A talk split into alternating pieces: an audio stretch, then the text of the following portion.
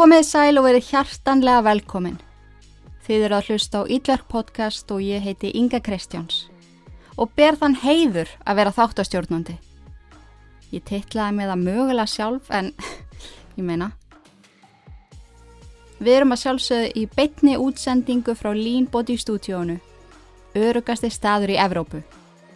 Hér er allt uppfullt af hennu geysi vinsala X50T sem að ég hef komið nokkru sinum inn á. Það er ekkert eðlilega mikil eftirspurn og vá hvað ég er að fíla það.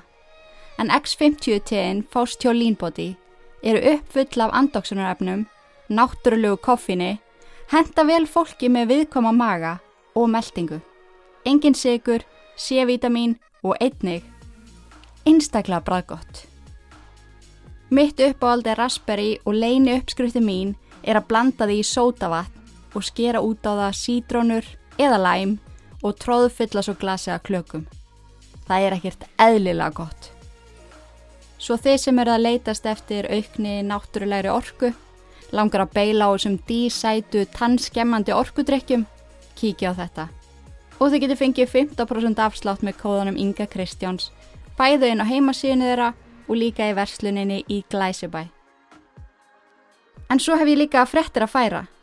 Einn flottasta kona sem að ég veit um, gerður sem á blöss, er aldeilis að færa út kvíarnar eins og gamle maðurinn sagði. Því að nú fer nýju og óendanlega flott blössverslun að opna á dalveginum. Verslunin er á starfi reyðhöll og mun gefa öllum fallugu kynlífstækjunum, undirfötunum og nuttkertunum góð skil.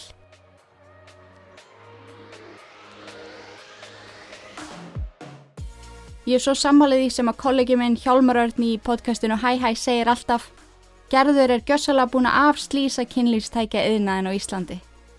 Ég er ekkit eðlilega stolt að því að vinna með þessu fyrirtæki og vil hvetja ykkur til að nota kóða minn sem er ítlverk til þess að versla ykkur eitthvað fallegt. Hvort sem að það er bara fyrir ykkur, þig og maka, hjásvæfu eða jafnvel í gjöf. Alright, ég held að ég sé búin að koma öllu frá mér sem að ég vildi sagt hafa og við skulum henda okkur af stað í þátt dagsins. Ótrúlegt mál sem átti sér stað í Bristol og Englandi árið 2015 þegar hinn 16 ára gamla Rebecca Mary Watts hvarf sporlaust. Let's go.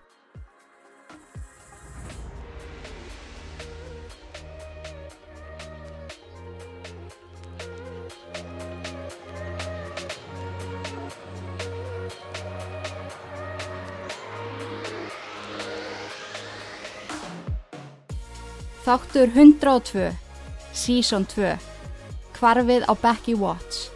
Gjör þið svo vel.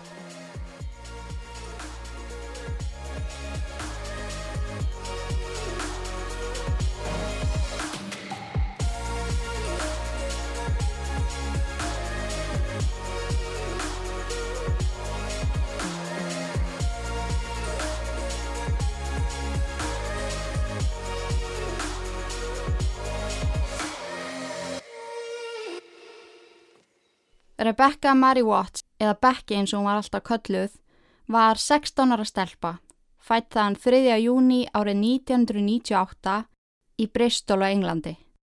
Hún bjóð þar ásand pappa sinu Darrell og stjúpmöðu sinni Angie. En Angie hafi verið í lífi Becky síðan hún var tveggja ára gömul, svo hún var í raun mammenar og Becky kallaði hann alltaf mömmu. Blóðmöðu Becky hétt Tanja en út af fjárraksörðuleikum hjá henni og andlegum veikindum bjó Becky alla tíð hjá pappa sínum. Becky átti einn albróður, Daniel Watts, sem var tveim árum eldri en hún hún átti svo líka hálbróður, Nathan Matthews, sonur Angie og var hann tíu árum eldri en Becky. Albróði Becky var fluttur út á þessum tíma. Hann bjó eigin heimili í Bristol á samt kærustunni sinni og Nathan bjó hjá ömmu sinni, móður Angie. En þeir voru báðið mjög duglegir að kíkja heimsónum helgar og þrátt fyrir að koma úr öllum áttum þá gekk fjölskyldulífið mjög vel upp. Frá því að Becky var lítið barn þá leit hún mikið upp til eldri bræðra sinna. Hún vildi alltaf fá vera með og koma með þeim ef þeir voru að fara eitthvert. Fyrsta skýra orðið hennar var Nathan sem er freka krútlegt. En þótt að Nathan hafi verið svona mikið eldri og þroskaðari þá deilt hann ekki sömu aðdán og væntum þið getur Becky. En strax frá byrjun tók hann því frekar illa að fá einn tvö ný sískinni á heimilið.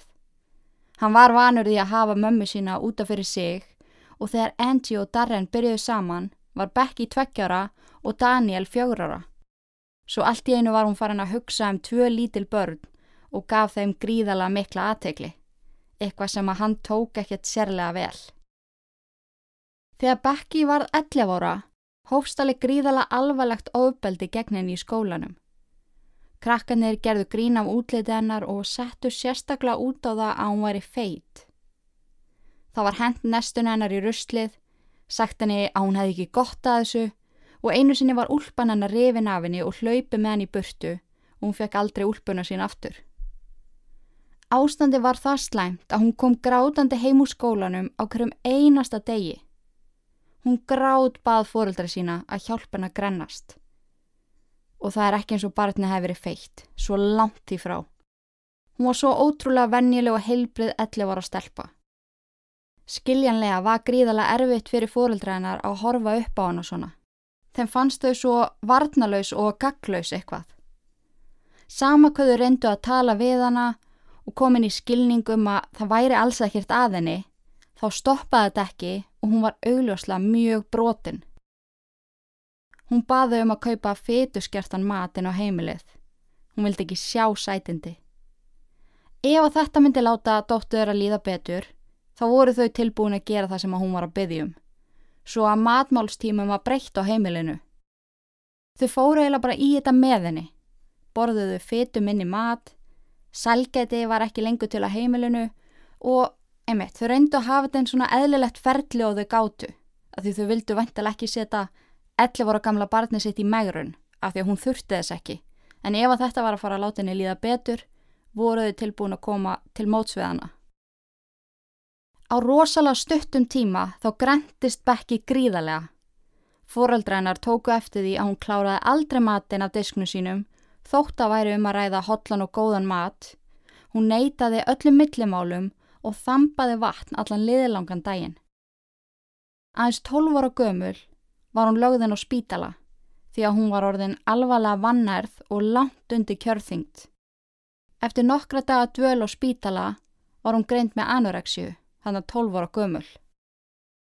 Og þótt hún var að reyna að breytast svo að krakkarnir myndu hætta að stríðinni, þá hjælt einelti í skólanum áfram. En núna var hún kölluð horrengla og tannstöngull og gert stanslöst grína af henni alla daga. Hún hjælt áfram að koma grátandi heim úr skólanum og grát bað fóruldra sína um að leifa sér að vera bara heima. Oft á tíðum þá leifðu þau henni það því að þau vissi ekki lengur hvað þau gáttu gert. Hún þurfti líka margsinnis að fara fyrr heim úr skólanum eða sleppa alveg að fara því að henni sveimaði, hún var máttlaus og ef hún reyndi á mikið á sig þá leiði yfir hana því að vannaringin var svo mikil og líkaminn var svo veikburða. Og ekki nóg með þetta allt, heldur hóst mikil stríðni og stanslust pekk heima við, en stjúbræður hana Nathan reykti oft í hana að hún væri enþá feit, hún þurfti að missa fleiri kíló. Hún væri heimsk og hann óskaði þess að hún hefði aldrei komið inn í fjölskylduna. Og því eldri sem að Becky varð, því verri var hann við hana. Við vitum að það fór í tögarnar á hennum að mamma hans veitti nýju sískinónum svona mikla aðtegli og svo hefur það kannski ítt undir að Becky var að verða úlingur, svaraði meira fyrir sig og mögulega var hún með skæting á móti við hann sem að pyrraða hann ekstra. En kom hann, hann var 23 ára gammal að haga sig svona við 12 ára barn og hann vissi vel hvað hann hafi gengið í gegnum. Þetta er algjörlega óskiljanlegt, allavega eins og er en það var lagt allt í að reyna hjálp henni og frá 12 til 13 ára fór líka með hennar að brakkast, þótt að andlega hliðin væri enþá ofsalega slæm. En með tímanum þá fór hún að brosa meira, var til í að fara í skólan og það virtist allt ætla að lagast, eða það stemdi allt í það. Þegar hún var 14 ára gömul, greindist Angie með MS frettir sem að voru skiljanlega erfiðar fyrir alla fjölskylduna. Og næstu árin horfðuðu upp á Angie raka rosalega hratt. Frá 14 til 15 ára þá fór Becky að glíma við mikið þunglindi og kvíða. Læknar töldu það ígerast í kjölfar anoreksíunar því að þótt að sjáist mest á líkamanniðinum þegar þú ert með hann sjúkdóm þá er þetta geðsjúkdómur og eins og ég sagði á þann þótt að líkaminn breggaðist þá eru alla líkur á því að þú berir andli ör það sem eftir er. Hún hafi gengið gegnum mikið einelti, verið hrættu að fyrir skólan því að hún vissi aldrei hvað beigðanar. Hún hafi farið gegnum þessa alvarlegu röskun, orðið virkilega veik út af henni orði fyrir andli og ofbeldi og mikill í stríni frá stjúbróðu sínum sem að hún hafði alltaf letið mikið upp til. Stjúbmámennar sem var hennar móður ímynd greindist með MS og rakaði rætt. Og þarna var Becky bara 15 ára gömul. Mér þykir ekki skrítið að auðmyggja barni hafi gengið ekki ennum kvíða og þunglindi. Þetta er ekkit eðlilega mikið magna á áföllum og erfileikum lagt á svona unga stelpu. Það færðist líka í aukana að það kæmu upp reyfirildi þá aðalega milli Becky og Darren pappinar. Henni fannst hann ósangjarn og fannst hann ekki skiljana. En ef við erum alveg hreinskilinn þá rifist við öllu fóreldra okkar þegar við vorum 15 ára og okkur fannst í alverðinni enginn skilja okkur. En það kom mjög mörgum og óvart þegar Darrell hendinni út eftir eitt rifrildið því að hún hafi verið svo ótrúlega dónaleg við hann. Það sem fólk saði var, what, hendur henni út? Og í öðru lagi, What, varst að rífast við Becky? Rífst hún? En hún var þekkt fyrir að vera alveg rosalega feimin. Hún kom allir upp orði innan um fólk sem hún þekkt ekki nógu vel. En eins og pappa hennar segi setna meir, þá var ekki til feimni í henni heima við. Þá let hún allt flakka. Ég tengi svo mikið við hennan tiltegna punkt. Ég var alltaf eins og mús þegar ég var yngri. Ég var svo feimin en heima var ég svo tasmaníu skolli. En heima við þá veit maður að fólki manns elska mann og dæmi mann ekki svo að maður þorði meira að vera maður sjálfur. Svo ég skil alveg hvernig henni leið. Þegar pappinar hendin út og sæði henni að gjöra svo vel að hugsa sinn gang, fór hún og eitti einni nótt hjá bestu vinkonu sinni. En Becky átti nokkrar mjög goða vinkonur sem hún talaði við allan daginn, alla daga. Þá aðalega í gegnum samfélagsmiðla, Snapchat. Samskiptin millir þær að byrja um leið og þær opniðu augun á mótnana og þar til að þær fóru að sofa, yfirleitt freka sent á nótunni. Það kom því þessum tildæknu vinkonum sérstaklega óvart þegar Becky hætti algjörlega svara skilabúðum frá þeim. Þetta kom þeim kannski óvart en þetta var ekkit endilega hræða þær, því kannski dó símin hennar. Hún var upptekinn eða það eru miljón ástæðar af hverju fólk svarar ekki skilabúðum frá manni. En fjölskylda hennar hafði síðast síðan á þriðju deginum, sem sagt uh, 18. 16. februar. Því á miðugudeginum hafði hún farið til vinkonu sinnar eftir skóla og gist þar. Hann hún er heima á þriðju deginum, fer í skólan, fer svo til vinkonu sinnar, gisti þar um nóttina og fjölskylda hennar sá hann að síðast á þriðju deginum en vinkonan sá hann á miðugudeginum síðast. En þarna 19. heyrði engin í henni. En þegar hún kemur svo ekki heim eftir skóla á fymtudeginum, heldur fóröldra hennar að hún hefði sennilega gistaðara nótt, eitthvað sem að hafðalegi oft gest áður. Angie ringdi í hana, sendi henni SMS en fekk engin svör. Á förstudags morgun fóru Angie og Darren að hafa verulegar áökjur. Hún hafði enþá engu svarað og þegar skólinn tilkynnti þeim að hún hefði ekki mætt og vinkunur hennar söðust ekki af að séna síðan á miðugudeginum, vissu þau að það var eitthvað hræðilega mikið að. Vinkunarinnar tóku líka eftir því að hún var ekki búin að posta neina á Snapchat en þær höfðu stanslöst samband við hverju aðra þar og það var alltaf eitthvað í stóri hjá Becky. Vinkunarinnar fóru saman heim til Becky til að tala við fóreldrennar og deildu með þeim þeim upplýsingum sem að þær höfðu og hversu áhyggjufullar þær voru að hún hefði ekkert svarað þeim og það hefði ekkert sérst frá henni á samfélagsmiðlum þá sérstaklega snabbtjátt. Angie sem hefði gert sér vonur um að mögulega væri bekki með nýri vinkonu eða hefði glimt sér eitthvað, misti alla von þegar vinkonuna komu yfir. Hún og Darren gjössalega panikuð, skiljanlega, því þetta var líka svo rosalega ólíkt henni. En eins og við töluðum um þá var hún mjög kvíðin og henni leið óþægla með fólki sem hún þekkti ekki. Hún var típan sem kom alltaf snemma heim, fór snemma í rúmið og let vita af sér. þó að það hafi auðvitað komið fyrir og hún glemdi sér, en í 99% tilfella þá let hún vita hvar hún væri, svaraði símanum og var eins og ég segi alltaf virka á samfélagsmiðlum.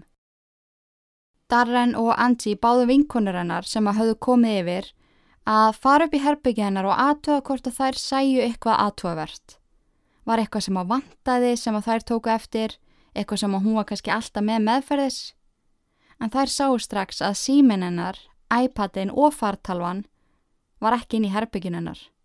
Svo kannski hafði hún strókið heimann, þótt að væri ólíkt henni. En segjum að hún hafi strókið heimann, þá fannst það mjög skrítið að hún tók engin född með sér, engar snirtuvörur, heldur, en Becky málaði sig á hverjum einasta degi, svo að ef hún hefði strókið heimann, hefði hún að öllum líkjendum tekið með sér snirtuvörur og allavega ekkur född. En ráftækin voru það eina sem að vantaði í herbyggið hennar. Klukkan fjögur eftir hádegi 20. februar 2015 þá ringdu fóreldra hennar á laurugluna og tilkynntu að dóttir þeirra væri tínt.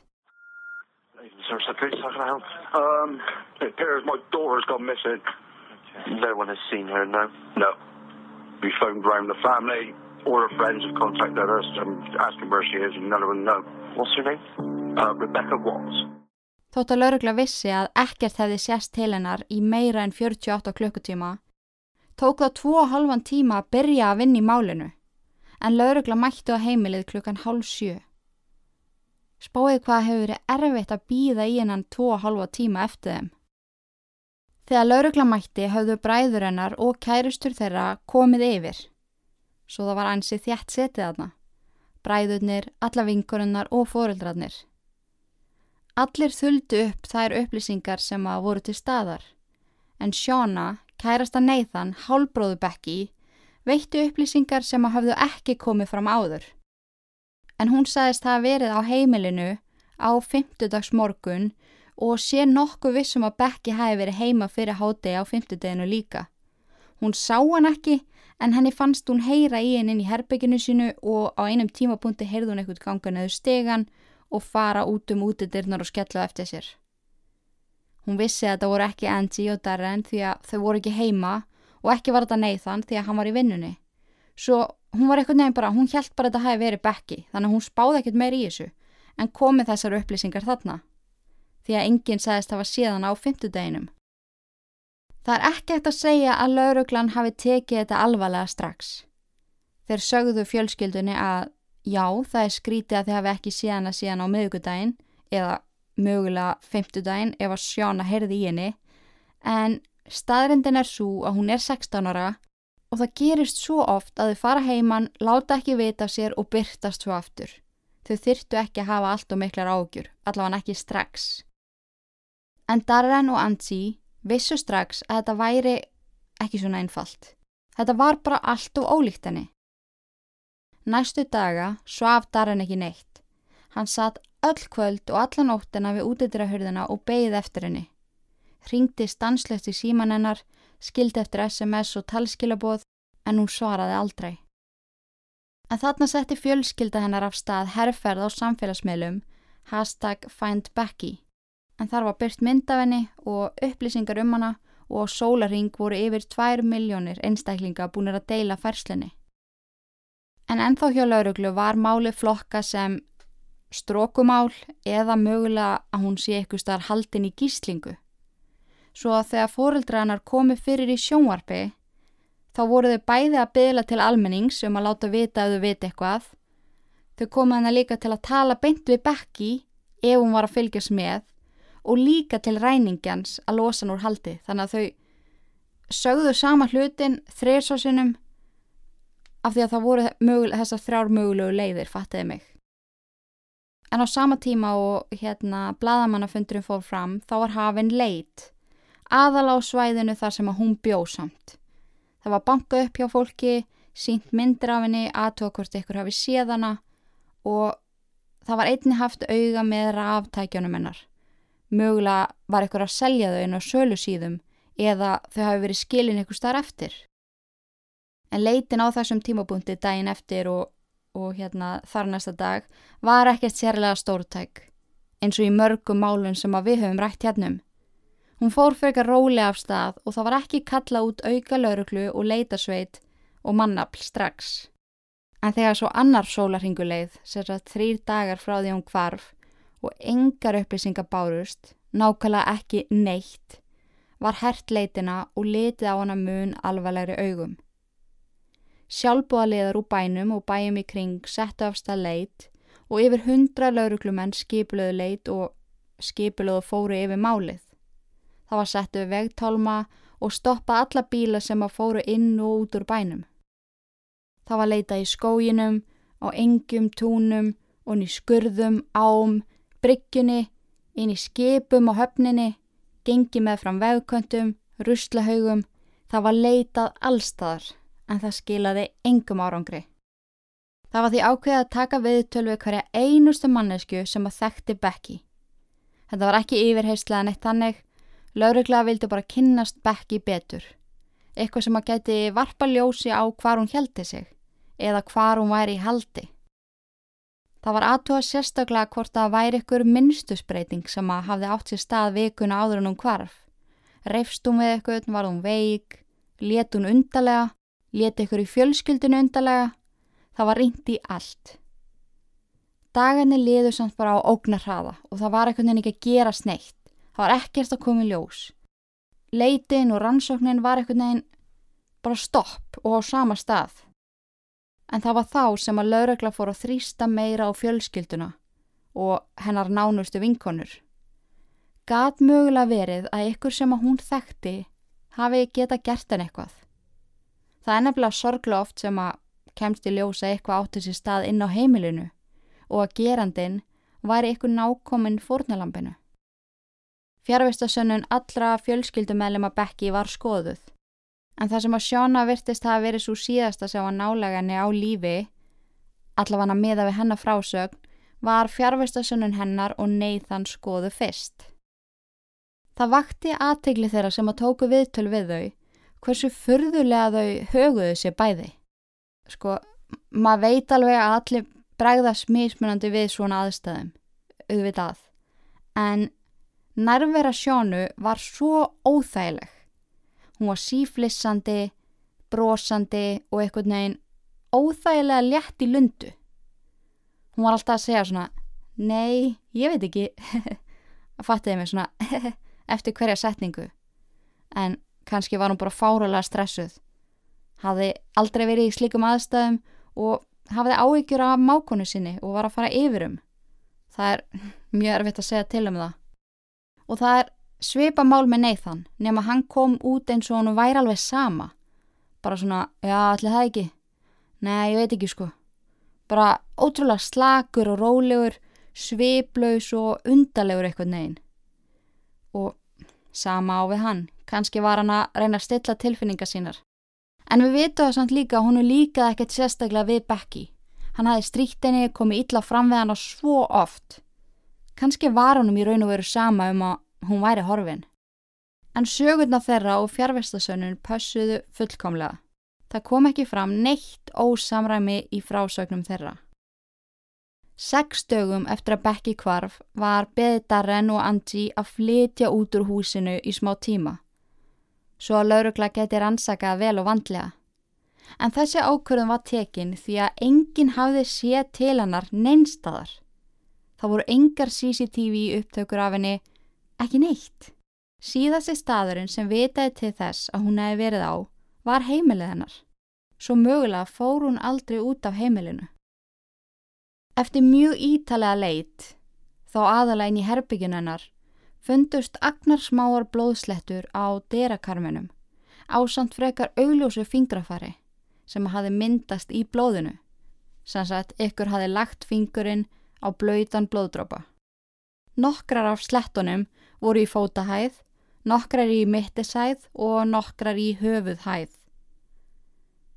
En þegar blóðslettur finnast á sama fleti en á sikkurum staðnum í svona litlum hópum hafa rannsóknir sínt fram á slíkt minnstur komi eftir eitthvað skonar átök, þá aðalega ef ykkur er barinn með þungu barefli.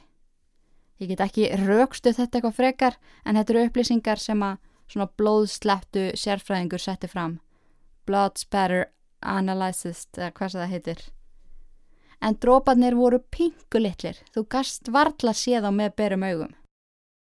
Sjóna og Nathan voru því aftur kölluðin í yfirherslu, aðalega því að Sjóna var svo síðasta sem að vissi af henn á lífi og líka út að sati lauruglu hegðun þeirra í fyrri yfirherslu. Í þetta skipti voru það aðalega orð Nathan sem á stungu, en í yfirherslu segist hann ekkert hafa séð hana en honum hafi aldrei líka neitt sérstaklega við hana heldur. Hún hafi alltaf verið svo dónaleg við mömmans, Angie. Þótt lauruglu hafi fundist þetta förðulegt, þá var ekki hægt að nota þetta neitt gegn honum. Það koma alltaf upp ágreiningar á milli fólks og það þarf alls ekki vera að hann hafi eitthvað með kvarvenar að gera þótt að honum hafi ekki líka við hana. En eftir nokkra daga þá komu niðurstur vegna fingrafarsins uh, í blóðslettunum. Blóði var staðfest úr Becky en fingrafarið tilherði Nathan. Þetta var huge, alveg ótrúlega mikilvægt sönnunagagn sem að sagði meira en þúsund orð. Samdægus og niðurstöðna komu nýju dögum eftir hvarf Becky voru Nathan og Shona handtekinn og þau yfirheyrð í þriðja skipti. En núna var notað önnur taktík á þau. Hinnar yfirheyslunar voru meira bara svona spurningar hvernig var sambandið ykkar, hvenar sást hana síðast og þess aftar, en núna var pressað miklu meira á þau. Það var sagt við þau, við vitum að þið vitið eitthvað, mittuði hana, er hún á lífi, ótrúlega svona harkalegar blátt áfram spurningar. Sjána gaf sér góðan tíma í að svara öllu, hún var alltaf að, var alltaf að líta upp í loft og til hliðar, svolítið eins og bánsum hún gerir alltaf, eins og hún sé að hugsa alveg mega mikið en Nathan var í mikill í vörð. Yfti aukslum, hristi hausinn, en sögur þeirra pössuði alltaf. Ef að þau hafðu eitthvað með þetta að gera, hafðu þau bókamál tala saman og ákveðu sögu, því að svo mörg smáadriði pössuðu. Á meðan þau voru yfirheyrð fór rannsóknateimi á heimilið þeirra og það sem blasti við þeim var svaðalega mikið drastl. Stofan, eldúsið, öll svefnherbyggi og aukaherbyggi voru upp full af drasli. Þau voru eiginlega bara horters, svona með við þær myndir sem ég hef séð. Og það var það mikið drasla að laurugla fattaði ekki fyrir en langt var liða á leitina að það væri annað baðherbyggju efrihæðinni, því að það var ískápur fyrir fram að þá hörð. En í heldina voru átta ískápur í húsinu. Allir upp fullir af mat. Tilgjómslega staðrænd en segi mjög mikið um hvernig þau voru. En inn á heimilinu fannst ekkert uh, sem að benti á að Becky hafi verið þarna eða eitthvað sagnæmt hafi gengið á. En það sem laurugla tóka eftir var að inn á þessu baðherbyggi á efrihæðinni sem að tók næstu í heilan dag fyrir það að finna þar var baðkar. Alveg fáránlega glansandi hreint. Allt inn á þessu baðherbyggi var pakka af dóti. Við erum að tala um það að þú sást ekki í vaskin því að það var örbylgjóp þar og matalefar og diskar út um allt. En í kringum baðkarið og baðkarið sjálft var spotless. Eitthvað sem að meika ekki alveg sens með við allt sem að varðaðna. Á heimilinu fannst líka kvittun, dagsett sama dag og bekki kvarf. Einhver hafði keift sér keðjusög, tvær grímur, yðnaðakleru og vinnuhanska. En þessi hlutir fundust samt hvergi á heimilinu. Það var strax haft samband við NBQ, verslunina sem að seldi þessar yðnaða vörur og viti menn. Nathan sést á CCTV, taka þessar vörur og versla þær. En eftir að þetta kom í ljós þá fóru laurugla skilnilega að hugsa að versta. Hvað ef að Nathan keipti þetta til þess að sundur lima Becky? En máli breyttist þarna úr leita henni yfir í morðmálið hennar. Þetta var bara ofgrunnsælegt til þess að vera tilviljun. En Shona og Nathan voru þarna handtekinn, en laurugla hafði heimildi þess út af því að það fundust fingraför og það er halbært sönnunagagn, þannig að þau gáttu handtekið þau. Og þau voru tekin inn í fjörðu yfirheysluna en þau vissu ekki á þeim tímapunkti að það væri búið að leita á heimilið þeirra. svo að sérstök tækni var nótuð til þess að yfirheyra þau, eitthvað sem að kallast feeding, skils mér. En þá matar svo sem að yfirheyrir þau grunuðu með upplýsingum. Og þegar þau grunuðu sjá hversu mikið lögregla veit, þá gefast þau upp og sjá ekki neina leið út. Sem er nákvæmlega það sem gerðist. Það var ekki liði langt á yfirheysluna því að Nathan byður um að fá að tala við lögfræðingin sinn. Rúmum klukkutíma síðar kemur hann aftur inn í yfirheyslu herbyggið, rétti lauruglu bref þar sem að hann játar. Og brefi hljómar svona. Og ég teka fram að ég ætla að lesa það á íslensku svo það geti hljómar smá öðruvísi ef að þið ætli kannski að horfa heimildamind um þetta eða eitthvað svo les. En það hljómaði nokkur nú einn svona. Ég, Nathan Charles Matthews, tek dauða Rebecca Watts alfarið á mig. 19. februar 2015 var ég staðsettur í bíl á samt kærastuminni Sjánu. Í bílnum var ég með stöngun, grímu og handjárn. Ég fekk þá hugmynda að hræða Becky með því að þykist vera imbróstjóður, ráðast upp í herbygjennar, rænenni og hendinni svo í skotti á bílnum mínum. Eftir það ætla ég að segja að ég hef verið að grínast. Ég ætlaði bara hræðana og kenninni leksíu. Hún var svo sjálfselsk og dónaleg og ég hafði ágjörði að hegðin hennar hefði slæm áhrif á heilsu mömmu minnar. Þegar við rendum í hlað á heimilinu, saðist Sjón ætla að fá sér síkaretu, svo hún fórið í garda reykja. Ég sótti hlutina í skotti á bílnum mínum, gekkin í húsið, fór upp á efrihæðina og bankaði á hörðina hjá Rebekku. Hún var ein heima á þessum tímapunkti. Hún svaraði annarkort hvað eða halló og ég spurði má ég koma inn í smá stund? Ég fór inn í herbyggja hennar og réðst á hana. Ég var með grímu svo hún myndi ekki þekkja mig. Hún barðist verulega á móti og í átökunum rann gríman af mér svo hún sá mig. Þá panikaði ég og kyrt hana þar til hún hætti að reyfa sig. Þetta er það sem kemur fram í brefinu en hann átti eftir að setja lengi áfram í yfirherslu. Þar viðukendi hann að hafa sundurleima bekki í baðkarinu á efrihæðinni heima á sér. Með söginni sem hann kefti, pakka líkamspörtunum inn í bökunafölmu, sett svo partana í tvo bakboka og tvær ferðartöskur og falið þetta svo í litlum garðskúr. Tóldögum eftir að Becky Watts kvarf fundust líkamspartarannar. Þeir voru strax fluttir í líkhús þar sem að þeim var raða saman og pappennar og stjúpmóðir beðinum að bera kennsl á líkið. Um leiðuðu gengu inn, sáu þau að þetta var dóttu þeirra. Krupning leiti í ljós gríðalegt magna á áverkum. Það sást mjög vel að hún hefði barast á móti með öllu afli þar sem að hendur hennar voru íllafarnar og undir nöglunum hennar fannst þygt lag af húðfetu sem var bendið til þess að hún hafi klórað Nathan. Eftir að hún kapnaði, stakkan að 14 sinnum áður en hann flutt hann að heimti sín í stórum bakpoka. Líki var skori niður í áttaparta og þar með afhafðað. Í bakpokunum og ferðartöskunni fannst einni mikið magna af kattasand, en með honum ætlaði Nathan að draga úr lykt og rakamyndun. Hann viðkendi svo einni að hafa teipað fyrir munnin á henni og augun á henni á meðan hann kýlt hana ítrekað í andlitið eftir að hafa kyrt hana til dauða. Þessar upplýsingar og 14 stungusár gerðu lauruglu ljóst að hann var líklegast að ljúa þegar hann sagðist að hafa panekat og þess hann að gert þetta. Þú þarfst að vera svo reyður til þess að gera ykkur um þetta og hvað þá mannesku sem er nú þegar dáin. Ef að þú myrðir eitthvað óvart, myndi ég halda að síðasta sem þú myndi gera var að skafa manneskuna meira, stingan og berjana. Er það ekki? Á þessum tímapunkti þurfti að rannsaka hjáttningu hans betur. Laurugla var ekki alveg að kaupa þetta ég var saklaus þar til að ég panekaði.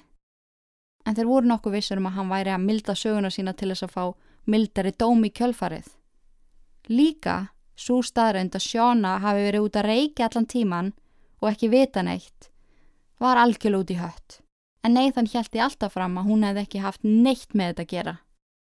En hún sérst að tók ekki eftir því þegar hann bar líki út í stórum bakboka og setti það í skottið eða þegar hann kom henni fyrir í baðinu og skar hann í sundu með sög.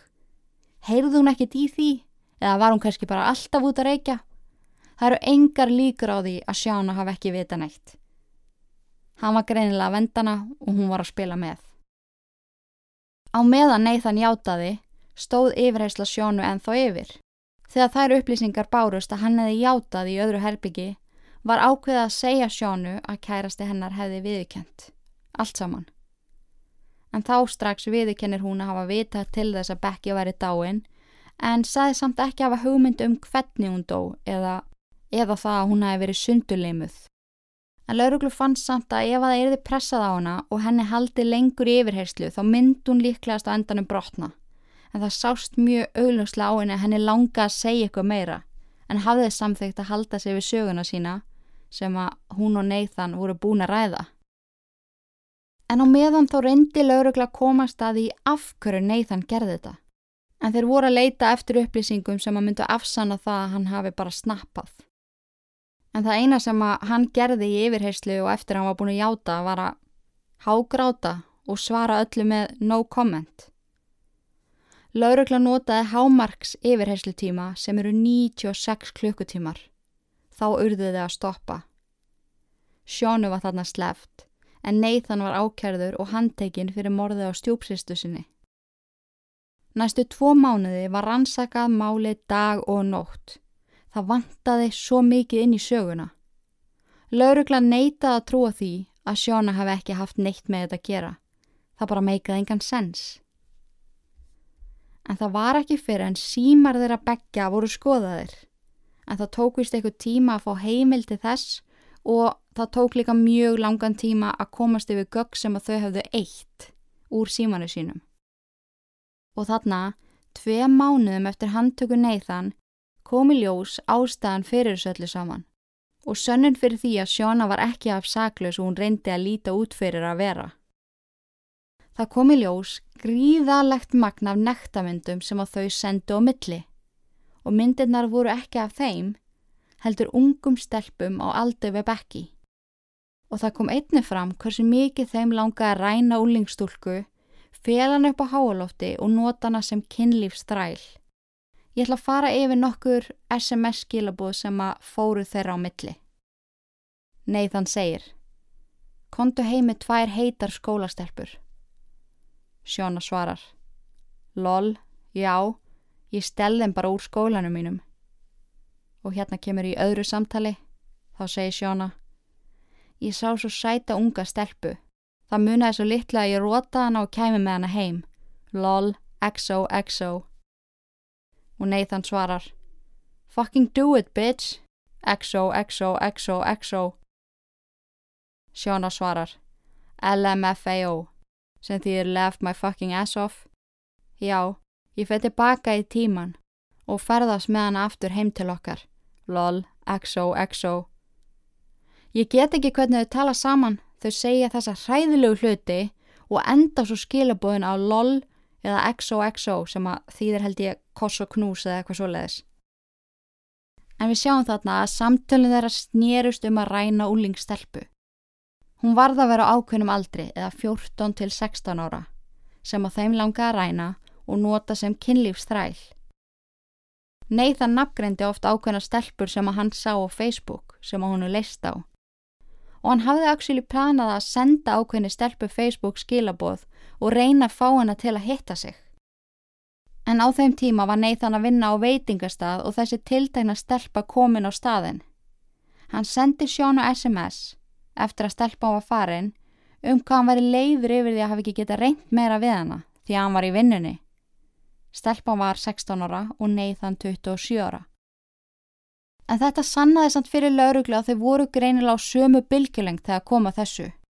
Og þau hafi þarna ákveða að ræna Becky til að nota hana sem kynlífstræl. Hvort sem að hann hafi ætlað að drepa hana er svo önnur saga.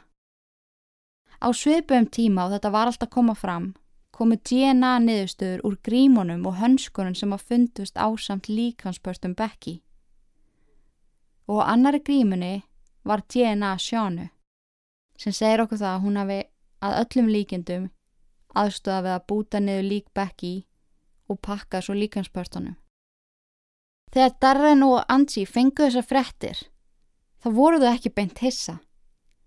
Það voru svo margi hlutir sem að Darren hafði orðið vittni af, alveg frá því hann kynntist Nathan þegar hann var 12 ára gamall. Hann hafði alltaf verið kynferðislega brenglaður. Þegar hann var 19 ára gamall, reyndi hann að koma heim með 12 og 13 ára stelpur sem að Darren skammaði hann fyrir. Bannaði hann um að koma með þær heim og spurði hann hvað hann væri eiginlega að hugsa. Nathan útskýrið fyrir honum að þar væru svo þroskaðar með aldur. Þegar hann byrjaði með sjónu var hún 14 ára gömul, en þá var hann 23 ára. Fyrstum sinn var henni bannað að koma með honum heim því að Angie og Darren fann svo óviðegandi að hann væri með svona ungri stelpu. Þannig að eiginlega frá því hann var 12 ára gamall hafði hann sínt þessa hlið á sér við og við. Hann var með þráhyggju fyrir ungum úlingstúlkum. Hann hefði líka ídrega verið fjarlæður af lauruglu af heimilum stelpna sem hann deytaði. Ef það er hættu með hann þá stokka hann þar, satt fyrir utan heimilegra og fyldist með þeim. Öll þessi skipti sem hann var anstíkilegu við Becky, öll þessi skipti sem hann réðst líkamlega á hana og þegar hann saka hann um að vera vond við mömmans, ástæðan bakuð það var miklu dýbri. Sálfræðingar og geðlagnar hafa skoðað sambandi á milli Nathan og Becky og hegðun hans gefur til kynna að það að hugsa um hana hafi örfaðan kynferðislega. Hann vissi að hann mátti ekki gera neitt með henni, svo hann fekk útrás með því að vera stanslaust að ráðast á hana, andlega og líkamlega. Það sem að renni svo stóðum undir það er þessi aðdáun á stelpum á hennar aldri. Því hann vissi að hann geti ekki gert henni neitt og komist upp með það og hinastelpunar áttu að koma í staðin fyrir hanna. Bekki hafi líka sagt sálfræðingnum sínum eitthvað sem að kom fram setna meir að hún var í hrætt við bróðu sinn. Hann hefði rosalega óþægilega nervuru. Besta vinkona Becky, Courtney, segir einni frá því að hún hafi ítreka heyrt neyð þann lýsaði í smáadröðum hvernig hann ætlaði að drepa Becky. Hún held að hann væri bara að vera perrandi eldri bróðir og ángríns ég og litli bróð minn við höfum actually rætt svona skrítna hluti. Þannig ég fatt alveg af hverju hún var ekkert endilega að taka þessu alvarlega. En þegar allir sem að þekktu til hugsa tilbaka voru svo fáránlega mörgur auð flögg. Endalust og svo ef við förum aðeins að sjánu þá hafði aldrei neitt svona komið upp í lífi hennar, aldrei neitt skrítið hennar var líst sem ótrúlega vinalegri og vennjulegri stelpu.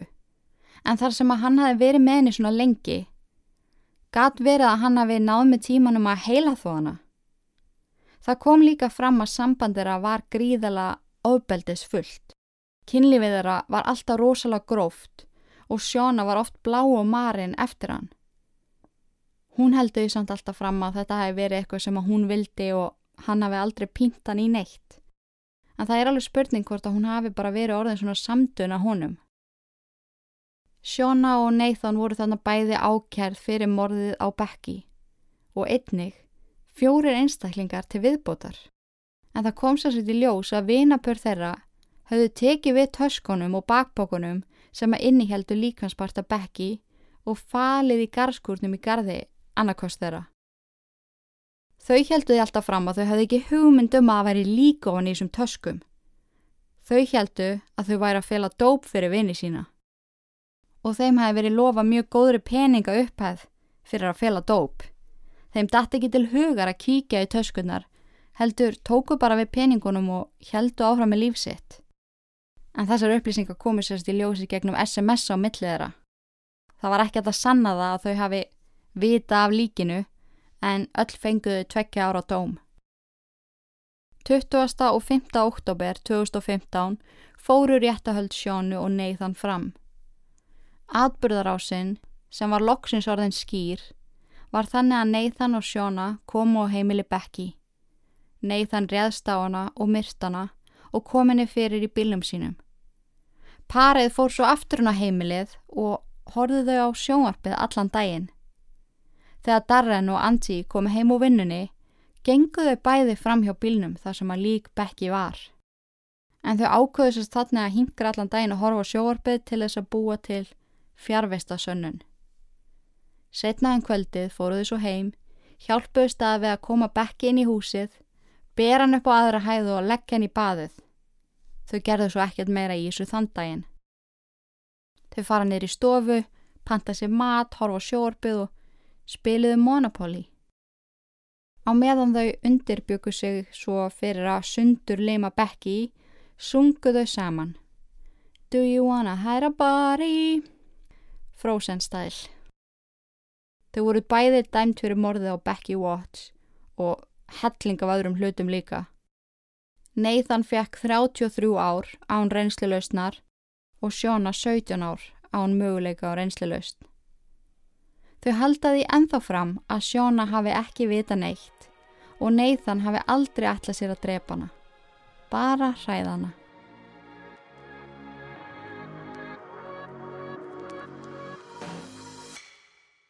Þetta var hefð styrlaða mormál Rebecca Watts.